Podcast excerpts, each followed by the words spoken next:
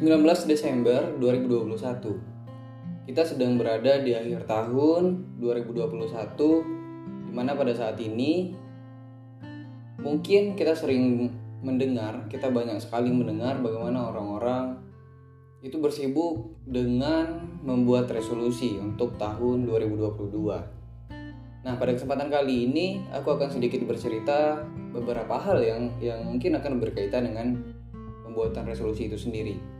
Bagaimana nanti di masa depan kita merumuskan itu untuk hidup menjadi lebih baik. Tentu semua orang menginginkan hidup yang menjadi lebih baik di masa yang akan datang. Eh, lebih spesifiknya di tahun 2022 lagi nanti gitu ya. Namun berkaca dari tahun-tahun sebelumnya, banyak sekali mungkin dari kita yang membuat resolusi, kemudian mencatat keinginan di tahun 2021, kemudian target-target, kemudian beberapa hal yang mesti dicapai. Namun mungkin realita saat ini kita tidak mendapatkan hal itu. Tadi eh, aku sempat survei kecil-kecilan di Instagram dan juga di WA ada juga yang ternyata yang menjawab bahwa uh, ketika aku tanya bagaimana persiapanmu dalam menuju tahun 2022 sorry. Menuju 2022 uh, sudahkah kamu membuat resolusi sebagian besar menjawab belum sebagian besar yang menjawab belum sekarang padahal sudah memasuki 10 hari terakhir di bulan Desember 2021 dan juga ada yang menjawab bahwa apa yang tidak dia catat dan apa yang tidak dia rumuskan di tahun sebelumnya itu tercapai. Tentu ada hal yang menarik berkaitan dengan ini. Oke, terlepas dari itu, tapi aku yakin teman-teman tentu menginginkan dan kita semua menginginkan hidup yang lebih baik di masa akan datang. Dan dan hal itu lebih bagusnya sih, lebih terstruktur itu kita tuliskan, coba kita tuliskan agar kita senantiasa ingat ya karena dengan melihat kemudian juga mengerjakan ataupun menulis hal itu hal tersebut lebih akrab di otak. Yang pertama aku ingin memulainya ada satu hal yang berkaitan dengan resolusi sebenarnya yaitu belajar dari Elon Musk. Jadi pada tanggal 11 Desember 2021 yang lalu, kurang lebih ya 9 8 hari yang lalu, Elon Musk pernah nge-tweet di Twitter dan aku sangat terkejut sekali. Ya, aku yang yang yang ketika itu buka Twitter dan langsung melihat, wow, gila sih. Aku langsung pokoknya langsung terkagum-kagum dan ya ya terkejut lah pokoknya. Kira-kira bunyi tweetnya gini dalam bahasa Indonesia.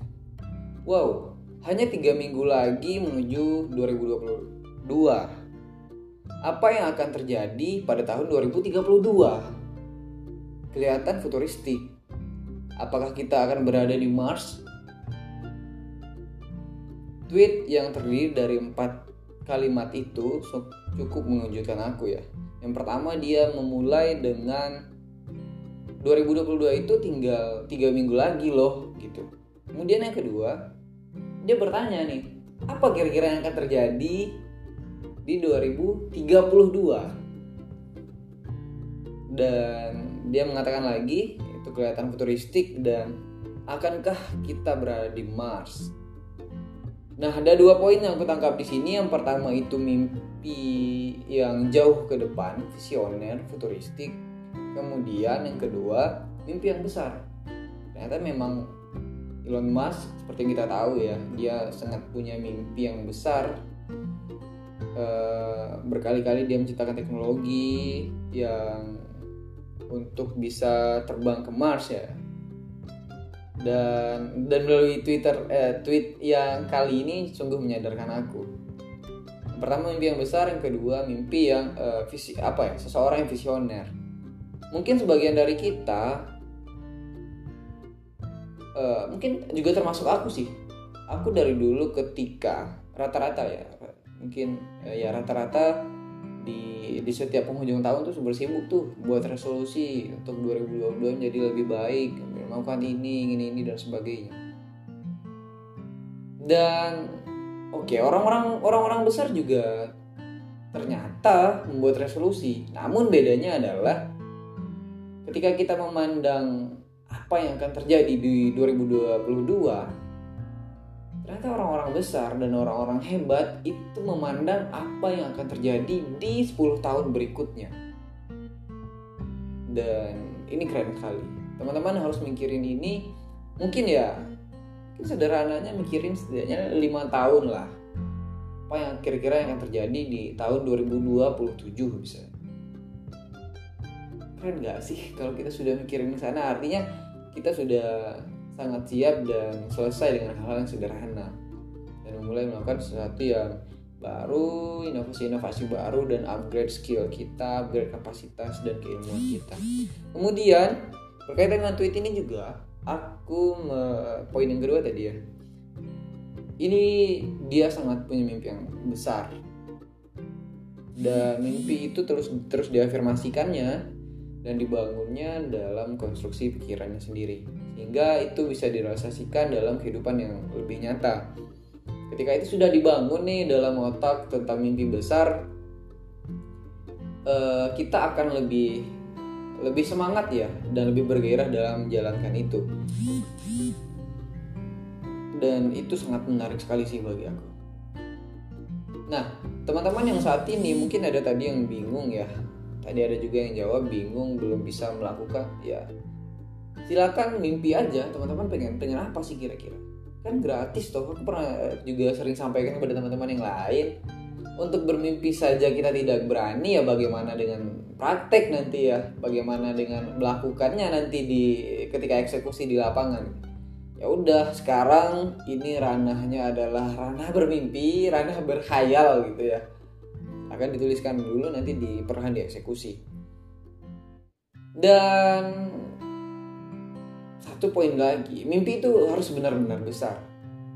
Kenapa aku katakan demikian? Kan ketika kita punya mimpi yang besar dan kita mengafirmasikan itu seolah-olah mimpi itu benar-benar akan terjadi di masa depan dan itu akan tercapai itu benar-benar menghadirkan suatu energi yang besar untuk kita. Nah, untuk orang-orang ataupun kita yang saat ini belum tahu kriteria mimpi kita sudah termasuk mimpi yang besar ataupun masih tergolong kecil, silahkan bermain dengan orang-orang yang punya mimpi besar. Beberapa waktu yang lalu, mungkin bulan lalu ya, bulan lalu aku pernah ketemu dengan orang-orang yang punya mimpi besar dan mereka sangat luar biasa. Aku ketemu di salah satu hotel yang ada di Jambi ketika itu ada lagi ada kegiatan ya. Kegiatan tentang pokoknya ya diskusi tentang kopi dan kayu manis gitulah ya produk eh, pertanian gitu ya kopi dan kayu manis aku ketemu nih dengan orang-orang yang gila. Mereka luar biasa bang. Aku yang pertama ketemu dengan pengusaha kopi. Mungkin aku tidak usah sebut mereknya ya. Tapi ini pengusaha kopi yang tidak ternyata tidak jauh dari rumahku. Dan memang beliau ekspor kopi luar negeri baik itu ke Jepang, ke Amerika dan ke daerah-daerah yang lain kan negara-negara yang lain. Kemudian juga aku bertemu dengan pengusaha kayu manis. Pengusaha kayu manis ini dari penjelasan diskusi di di hotel tersebut ya sambil santai-santai dan juga bercanda. Eh, beliau bilang bahwa setengah kayu manis yang ada di Kerinci beliau yang bukan monopoli ya beliau yang menguasai gitu berarti artinya dijual ke beliau dan nanti beliau ekspor nah korelasinya dengan mimpi adalah dulu aku pernah berpikir bahwa di masa depan ya kurang lebih 9 tahun atau 8 tahun dari sekarang ya pokoknya di kisaran 10 tahun ya. Aku lupa aku nyatatnya di laptop gitu. Aku pernah mencatat bahwa aku harus punya pendapatan minimal 30 juta per bulan. Dan bagi aku mimpi aku udah besar dan keren gitu ya. 30 juta per bulan. Dan ternyata setelah aku ketemu mereka dan dan gila malu banget sih. Ngomong mereka bicara uang itu sudah triliun triliunan. Dan mereka juga ya mereka bilang sempat sempat bilang gini dalam satu cerita cerita santai gitu ya. Ya lawan bisnis kami itu Yahudi gitu. Wow. Mungkin kita yang saat saat ini mungkin masih mikir non bisnis ke ya sekitaran kampung-kampung kita. Kemudian kirim lawan bisnis hanya di provinsi kita misalnya. Mereka sudah mikirnya ke luar daerah. Dan sorry luar negeri. Dan itu Yahudi. Dan jujur mereka bilang susah banget loh bisnis sama Yahudi. Mereka memang cerdik gitu dan sebagainya dan ada satu momen dalam satu diskusi itu dan aku sangat malu banget ya. Aku sangat malu banget tapi ini jadi pelajaran sih untuk aku. Dan aku ditertawakan dalam diskusi itu. Jadi emang gini ketika ada ya bapaknya tadi ya pengusaha kayu manis uh, sudah cerita cerita kemudian aku aku bilang nih ngomong oh ya pak. Kebetulan saya ada kayu manis nih di Kerinci bisa nggak kira-kira jual ke bapak? Kemudian ada uh, apa namanya pegawai pegawai pegawai ya sorry. Ada ada salah, salah seorang di sana bilang ini nah kamu itu pelecehan loh gitu. Nah aku terkejut kan kok pelecehan sih? Gitu. Nah kamu kira bapak ini toke biasa gitu? Bukan. Bapak ini nggak ngurus hal demikian. Bapak ini sudah mikirin bagaimana perusahaannya bermanfaat untuk lingkungan hidup. Bagaimana nanti perusahaan-perusahaan ini melalui uh, kegiatan ekspor kemudian hal yang lain itu juga memperhatikan masyarakat, bagaimana masyarakat bertumbuh dengan kayu manis, kemudian inovasi-inovasi baru di bidang teknologi dan sebagainya. Oh man. dan itu malu banget. Orang semua orang ketawa. semua orang ketawa dan aku malu. Tapi itu jadi catatan yang bagus banget ya untuk untuk aku dan pelajaran pribadi aku. Artinya yang ingin sampaikan dalam kesempatan kali ini adalah berkaitan dengan tadi kita benar-benar harus punya mimpi yang besar terkait dengan resolusi juga teman-teman yang mungkin saat ini belum punya mimpi besar terkait 10 tahun ke depan uh, atau 15 eh, tahun dan di masa yang jauh yang akan datang silakan dirumuskan itu dan bermimpi yang besar silakan baca-baca atau bertemu dengan orang atau iseng-iseng main kan uh, jadwalin atau ngechat siapa kayak idola kita. Mana tahu dia bisa ketemu dengan kita. Dan itu bisa membuka cakrawala kita sehingga kita tidak terkungkung sejauh ini mungkin kita berpikir bahwa mimpi kita itu sudah besar. Apa yang kita lakukan itu sudah bagus dan sukses. Nyatanya tidak gitu ya. Apa yang sudah aku rumuskan dengan teman-teman di salah satu komunitas misalnya. Ketika berdiskusi dengan mereka mereka sudah lakuin itu semua gitu. Padahal itu sudah masuk dalam rencana strategis kami ya. Di Renstra ya Renstra satu komunitas atau organisasi kami. Dan ketika diskusi dengan uh, di waktu itu oh apa yang kami rumuskan sudah sudah dilakukan oleh mereka ya.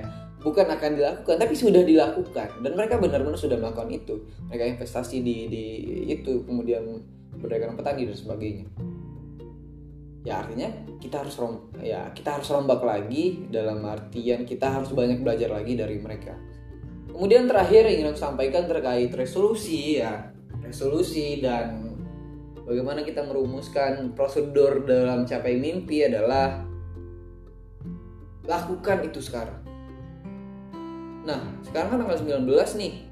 Mungkin bagi yang sudah nyusun, oke okay, bagus. Tapi oke bagus. Bagi yang belum nyusun, silahkan disusun secepatnya.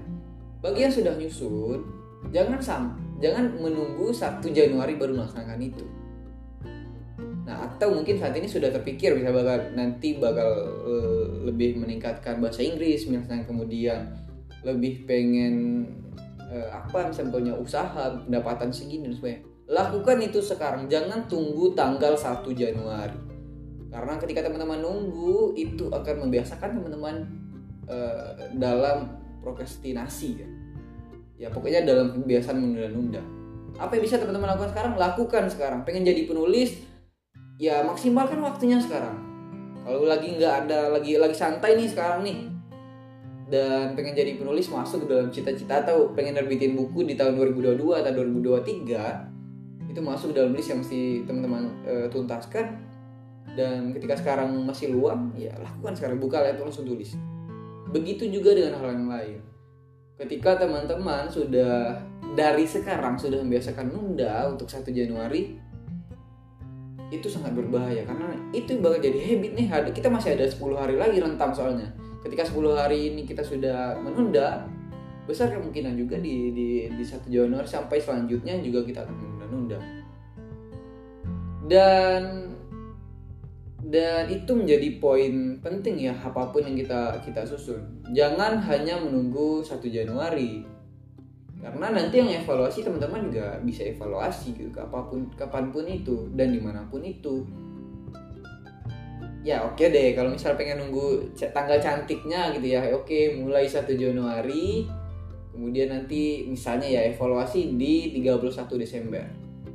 Namun kemudian jadi pertanyaannya adalah apakah teman-teman bisa menjamin ketika tanggal 1 Januari nanti teman-teman akan semangat untuk melaksanakan itu apakah semangatnya akan sama di tanggal 1 Januari nanti dengan semangat yang ada sekarang Silahkan tanyakan itu dalam hati dan pikiran teman-teman masing-masing.